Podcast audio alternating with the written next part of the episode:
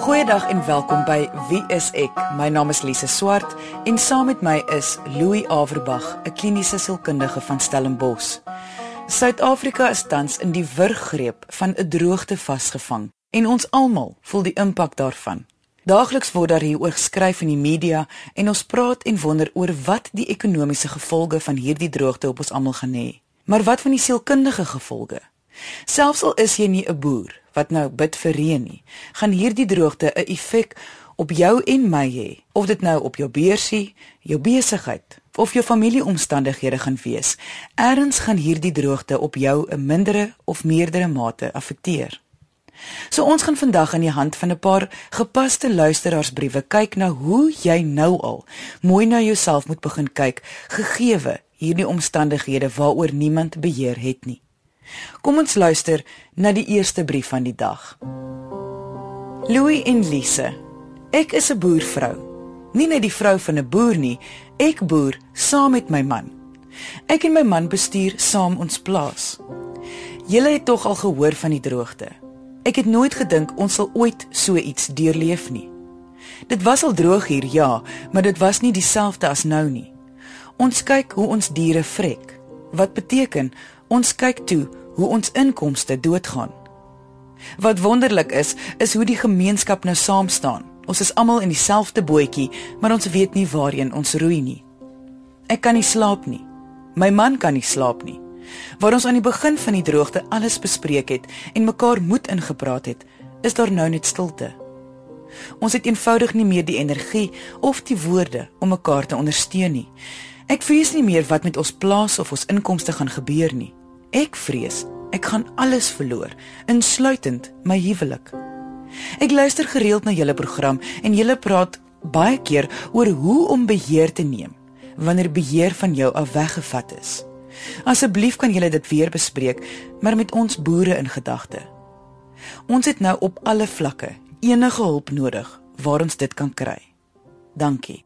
Louis, ons almal is bewus van die droogte wat tans aangaan. Ons almal doen ons deel op verskillende maniere, of dit nou minder water gebruik is of om 'n buurman te help op 'n plaas.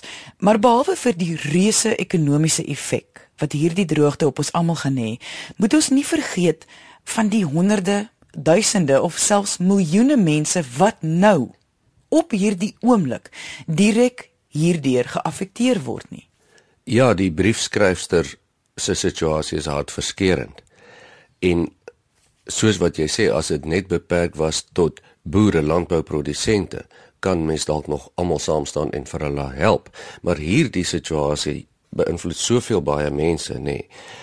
die onmiddellike effek wat dit het op nie net familielede nie plaaswerkers ekonomies die winkeleienaar op die dorp. Die ekonomiese effek en natuurlik die sielkundige effek is geweldig en dit is hoogs kommerwekkend. Jy kom van die Vrystaat wat tans baie erg geaffekteer word deur die droogte. As jy die nuus lees, wat gaan deur jou kop? Ja, dit is sleg, weet jy, want mens sien die foto's op sosiale media en uh ek het skool gegaan in die Vrystaat. So die foto's wat ek sien is baie skokkend en ek besef wat die impak is. Um dis 'n baie baie hulpelose en 'n benoude gevoel. Want Ons land se infrastruktuur steun geweldig swaar op landbou onder andere. En bloot die menslike faktor van wat hier aan die bekommernis wat dit vir almal moet gee. Moet baie baie erg wees. Haar vraag is natuurlik baie relevant tot wat tans in ons land aangaan. En ek weet dit is 'n komplekse onderwerp, veral om te verduidelik dit van beheer, hoe om beheer te neem oor goed wanneer alle beheer van jou weggevat is die rede hoekom dit kompleks is is omdat elke persoon se omstandighede verskil en daar is nie eenvoudig byvoorbeeld 'n 5-punt plan of 10 reëls wat almal kan volg nie. Maar kom ons bespreek tog die konsep van beheer neem. Ja, dit lyk soos die goue sleutel en daardie goue sleutel is natuurlik so moeilik om reg te kry. Maar tog iets om na te streef. En in baie eenvoudige taal of in baie eenvoudige taal kom beheer neem daarop neer dat jy moet doen wat jy kan en laat gaan van dit wat jy nie kan nie. Maklik om te sê nie. Wanneer jy iets aktief probeer doen of wat nou is dit nou net in jou gedagtes of selfs met wat jy probeer doen. Om iets te doen waaraan jy regtig niks kan doen nie. Is wanneer die moeilikheid kom. En dit lei altyd tot sielkundige angs, daai draai op die maag, nie kan slaap in die aand nie, die bekommernis. En 'n eenvoudige voorbeeld daarvan sou wees is byvoorbeeld hoe jy beheer sou neem oor jou bekommernis oor wat met jou en jou gesin kan gebeur as jy 'n lang reis met 'n kar onderneem, met 'n motorkar. Nou goed, wat kan jy doen? Jy kan die bande mooi kyk. Jy kan almal mooi veilig in die motorkar laat sit. Jy kan versigtig ry. Jy kan binne die wet bly. Maar jy kan nie regtig 'n ongeluk voorkom nie. Dit weet ons. So prakties kom dit daarop neer dat jy moet alles wat doen wat jy kan doen om by jou bestemming uit te kom in hierdie motorkar. En dan moet jy laat gaan want jy kan niks verder doen nie. Al is daar 'n ongeluk, kan jy selfs daaraan niks doen as jy nie 'n aandeel daarin gehad het nie. Nou dit is baie maklik om te sê. Maar dit is die konsep van beheer. So as mens dit nou vat uh, teenoor die droogte, as jy die voorbeeld dan vat, weeromstandighede kan jy nie beheer nie. Nee, jy kan nie. Maar as jou inkomste, jou familie en jou eie toekoms daarvan afhang, hoe op aarde gaan enigiemand dit regkry om nie te hoop of te wens of selfs te bid dat dit verander nie? Ek bedoel met ander woorde, hoe gaan jy dit regkry om die gevoel dat jy dit wil beheer, dat jy wens jy kon dit beheer, te laat gaan? Dit dink ek sal niemand regkry nie. Dit is menslik. Natuurlik is dit menslik om te hoop of te wens en amper te droom oor 'n ding wat moet gebeur, veral as dit die afgelope klomp jare gebeur het, soos 'n reënpatroon. Dit gaan ons nou simpel wees om te verwag dat enige iemand nie moet hoop dat dit dan op dieselfde tyd sal reën nie. Ons almal weet, dit is baie maklik om te begin bekommerd raak en angstig te raak as dinge nie gaan soos wat dit veronderstel is om te gaan nie. Of ten minste dan in jou kop is veronderstel is om te gaan nie. Maar beheer lê dan tog altyd in wat mens doen, nie in wat jy dink of wat jy voel nie. Dit lê ook nie in die toekoms nie, dit lê in die nou. So die vraag is en ek het nie die antwoorde daarop nie. As jy dan nou daar is, dit het nie gereën nie. Daar is nie water nie. Die vraag is in wat nou? Wat kan jy doen en wat kan jy nie doen nie? En die rede hoekom jy voel jy kan dit nie antwoord nie is omdat elke persoon se omstandighede gaan verskil en wat hulle kan doen gaan ook verskil. So dit hang af van die individu self om te kyk na hulle opsies. Ja, en die oomblik as jy begin kyk na opsies en jy begin handel daarvolgens is wanneer jy begin beheer neem. En beheer vat altyd daai draai op die maag darm bietjie weg. En in baie gevalle kan dit heeltemal wegvat. Jy luister na Wie is ek met Louie en Lise op RSG 100 tot 104 FM. So dit kom daarop neer dat jy moet iets doen. Selfs al is dit nie die doen wat jy wil hê of die doen wat jy dink jou toekoms gaan nou vreeslik verander nie. Jy moet doen wat jy vandag en nou kan doen. Dit is reg want as ons mooi almal daaroor gaan dink, lewe ons almal bietjie in 'n illusie. En dit is die illusie dat dit maar altyd sal wees soos wat dit was in die verlede. As dit laas jaar gereën is, gaan dit hierdie jaar weer reën. As daar laas jaar nie oorlog was nie, sal daar hierdie jaar ook nie wees nie. Dit is ongelukkig nie waar nie, want die geskiedenis bewys dat dinge verander altyd. En al wat vas is, is dit wat ons op die oomblik kan doen. Maar wat kan 'n mens doen? Ek probeer nou dink as ek nou die skrywer was en hier sit ek nou op 'n plaas wat voor jou oë besig is om onder te gaan. Wat kan 'n mens doen? Kyk, ek weet nou nie presies wat haar omstandighede is nie en ek impliseer ook nie daarmee dat sy niks doen nie. Maar daar is tog sekere omstandighede. En wat sy sal moet doen, sy en haar man, is om die moontlike opsies te oorweeg in terme van wat hulle kan doen aan hulle situasie en dan die opsie te kies wat die minste nadeel in het selfs al is dit hoe sleg daar is dan nog diere oor op die plaas byvoorbeeld.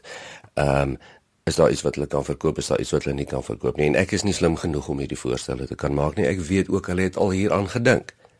Maar wat ek wel weet, is dat as jy nie een van die opsies uitoefen wat dan die minste nadele oor het nie, dan gaan dit met jou sleg gaan op 'n sielkundige vlak. Want jy gaan heeltyd in onsekerheid en in angs lewe en hoop dat iets gebeur. En dit is die gevaarlikste ding wat jy kan doen. Alhoewel ek heeltemal verstaan hoekom die skrywer en haar man nie meer met mekaar praat nie, is dit tog vir my nou juis nie die beste tyd om op kommunikasie op te gee nie. Dit voel vir my hulle moet nou eers met mekaar kommunikeer. Ek bedoel, niemand kan tog hierdeur alleen gaan nie. Ja, dit klink nie eers of hulle kwaad is vir mekaar nie, dit klink maar net hulle het opgehou praat.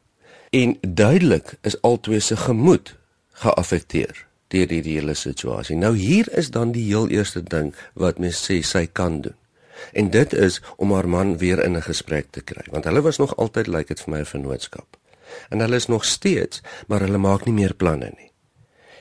Goed, julle opsies is baie minder. Die moontlikheid om planne te maak is baie beperk, maar jy moet planne maak. En om dit te doen, moet jy met jou man praat en julle sal beter nog met mekaar praat as selfs die tyd toe dit goed gegaan het.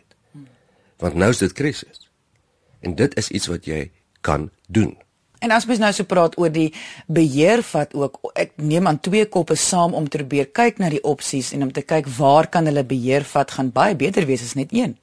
Natuurlik, want die een wil die ander een nie ontstel nie. Dis hoe dit gewoonlik werk en bemoei met sy of haar se negatiewe gedagtes nie dit kan mens nog verstaan. Maar dit beteken julle albei sit nou net en wag vir mekaar en dit gaan nie gebeur nie. So saam gaan julle baie meer reg kry. Want julle het in die verlede saam baie meer reg gekry. Ons gesels vandag aan die hand van 'n paar luisteraarsbriewe oor hoe om op verskillende sielkundige vlakke mooi na jouself en die mense om jou te kyk tydens hierdie verskriklike droogte waardeur ons land nou gaan. Voor die advertensiebreek het ons 'n brief begin bespreek van 'n vroulike boer wat meer wou weet van hoe sy en haar man beheer kan neem onder hierdie omstandighede wat niemand kan beheer nie. Indien jy self 'n boer is wat tans deur hierdie situasie gaan of iemand is wat direk deur die droogte geaffekteer word en weer na die eerste helfte van die program wil luister, kan jy na die pot gooi gaan luister op RSG se webwerf. Dit is rsg.co.za. Soek net vir Wie is ek en luister na die episode volgens die uitsaai datum of kort beskrywing. Ons het voor die advertensiebreek die gesprek begin oor hoe om beheer te neem en wat die beheer vir jou kan beteken aan die hand van 'n luisteraarsbrief. So kom ons luister net weer na hierdie brief. Louis en Lise. Ek is 'n boervrou. Nie net die vrou van 'n boer nie, ek boer saam met my man. Ek en my man bestuur saam ons plaas. Julle het tog al gehoor van die droogte. Ek het nooit gedink ons sal ooit so iets deurleef nie. Dit was al droog hier, ja, maar dit was nie dieselfde as nou nie. Ons kyk hoe ons diere vrek. Wat beteken ons kyk toe hoe ons inkomste doodgaan. Wat wonderlik is, is hoe die gemeenskap nou saam staan. Ons is almal in dieselfde bootjie, maar ons weet nie waarheen ons roei nie. Ek kan nie slaap nie. My man kan nie slaap nie. Waar ons aan die begin van die droogte alles bespreek het en mekaar moed ingepraat het, is daar nou net stilte. Ons het eenvoudig nie meer die energie of die woorde om mekaar te ondersteun nie. Ek vrees nie meer wat met ons plaas of ons inkomste gaan gebeur nie. Ek vrees ek gaan alles verloor, insluitend my huwelik. Ek luister gereeld na julle program en julle praat baie keer oor hoe om beheer te neem wanneer beheer van jou af weggevat is. Asseblief kan julle dit weer bespreek, maar met ons boere in gedagte. Ons het nou op alle vlakke enige hulp nodig waar ons dit kan kry. Dankie. Louis, ek weet nie of jy ook die idee gekry het dat sy nie net bang is haar huwelik is in gevaar nie, maar dat sy dalk ook bekommerd is oor haar man se gemoed en wat die effek daarvan kan wees. Natuurlik, want mens verstaan die oomblik as jy onder bedreiging is, of dit nou ekonomies of droogte of sielkundig is, dan begin mens angstig raak. Mens ons almal ken dit. Jy raak bekommerd, jy lê in die aande wakker, jou maag draai, jy weet nie watter kant toe nie. Dit raak 'n liggaamlike ding wat baie vinnig in 'n depressie toestand kan oorsit wat vir jou dit nog baie swaarder gaan maak om die omstandighede die hoof te bied. So ek sou sê mense werk amper jou taak is onder hierdie omstandighede om jou angs te beheer. Hoe beheer jy jou angs deur beheer te neem van wat jy kan en soveel as moontlik hulp in te roep en koppe saam te sit. Ek wonder net vir ander mense wat nou ook luister, nou nie die skrywer nie, wat in dieselfde situasie is of ook hierdie angs ervaar. Wanneer gaan jy weet jou gemoed is nou in gevaar? Die angs het nou te ver gegaan of jy is nou al in depressie? Ek dink amper by die punt waar ons briefskrywer nou is. As jy stil geword het, jy maak nie meer planne nie. Of jy raak nou so moedeloos dat jy nie meer omgee nie. Of jy is so bekommerd en so angstig dat jy nie kan optree nie. En dit wat in die verlede vir jou sin gemaak het, maak nie meer vir jou sin nie. Uh jy's nie meer lus vir jou aktiwiteite nie. Jy's nie meer lus vir jou familie of jou gesinslede nie. Jy gee nie meer om nie. En en dit is altyd 'n aanduiding van mense gemoed wat begin val en dit belemmer jou vermoë om dan te kan optree of te kan planne maak en te kan aksie neem. En wat jy sê is as mens dan begin wel jy jouself forceer om te begin planne maak en beheer vat waar jy kan, kan dit hierdie gevoel verlig. Ja, dit gaan nie altyd natuurlik al die oplossing gee nie, maar enige beheer, enige beheer neem, enige stappe om beheer te neem, verlig angs. Jy het net nou genoem van die opsies dat om miskien die plaas te verkoop of wat ook al kan opsies wees. Ek wonder net is dit 'n goeie idee om drastiese lewensbesluite te neem wanneer 'n mens onder soveel druk is? Ek bedoel, tel dit ook as beheer? Kyk, die algemene gevoel is dat mens nie regtig drastiese besluite moet neem as mens onder druk is of jy nie emosioneel sterk genoeg voel om dit te doen nie. Maar mens sou ook kon sê dat besluite neem is deel van beheer neem. Onder uiters omstandighede is om jou plaas te verkoop natuurlike opsie.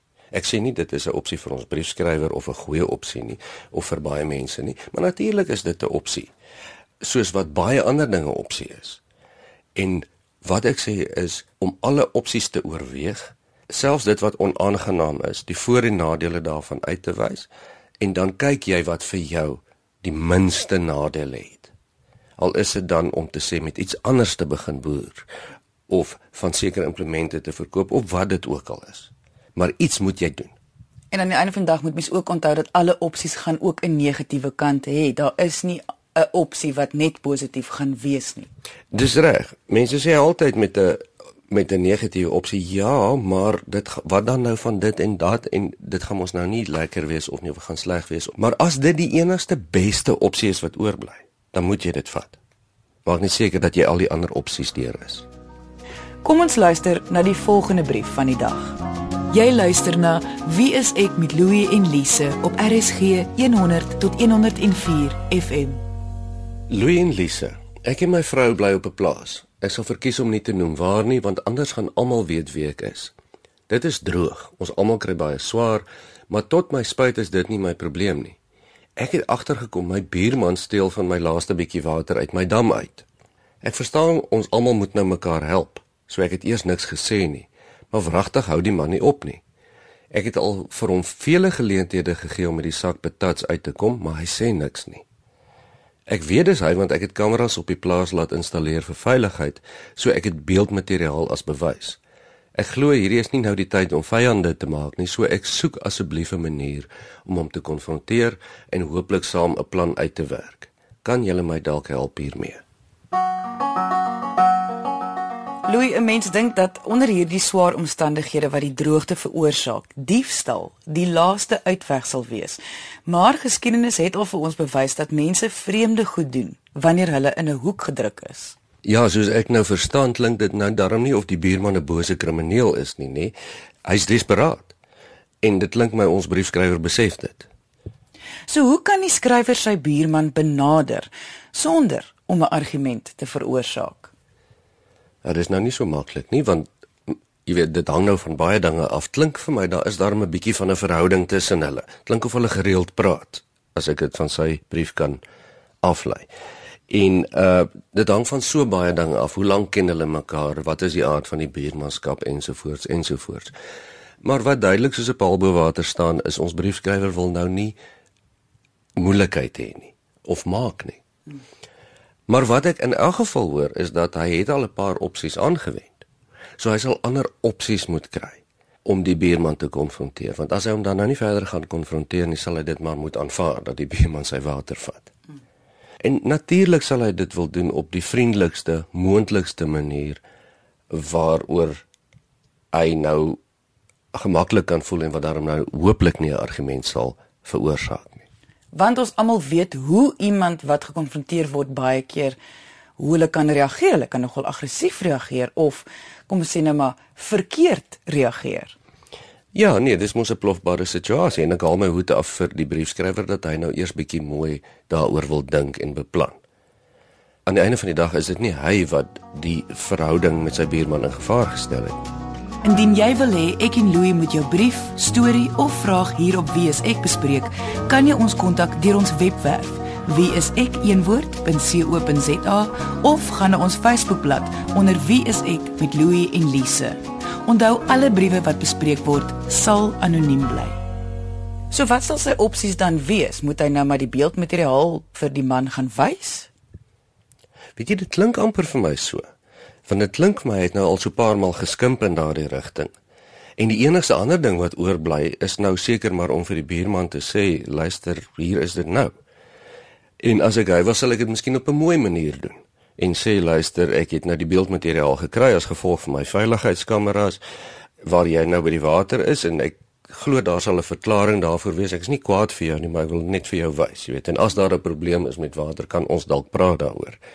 Dis nou maar my voorstel maar ek dit gaan baie afhang van hoe ons briefskrywer sy buurman ken. Ek wil net weet uh, my ma het altyd gesê as jy wanneer jy iemand wil konfronteer, begin altyd met die positiewe voor jy oorgaan na die negatiewe. Alhoewel dit my nog baie gewerk het, al wil ek net weet is dit maar gewoonlik die proses om te volg. Ja, en ons almal doen dit op 'n manier. Ons almal weet jy loop nie jou buurman of jou vriend storm en begin hom sommer uittrap nie. Jy begin mos nou maar eers met ou sagte konfrontasietjie, jy weet. Maar op 'n stadium moet ons onthou hierdie bly 'n konfrontasie. En dit is onaangenaam. Maar dit lyk vir my dis ongelukkig, maar so hy kan dit nie vermy nie. En dit gaan weer eens oor die onderwerp van beheer neem. Ons briefskrywer kan kies of hy konfronteer sy buurman of hy aanvaar dit so.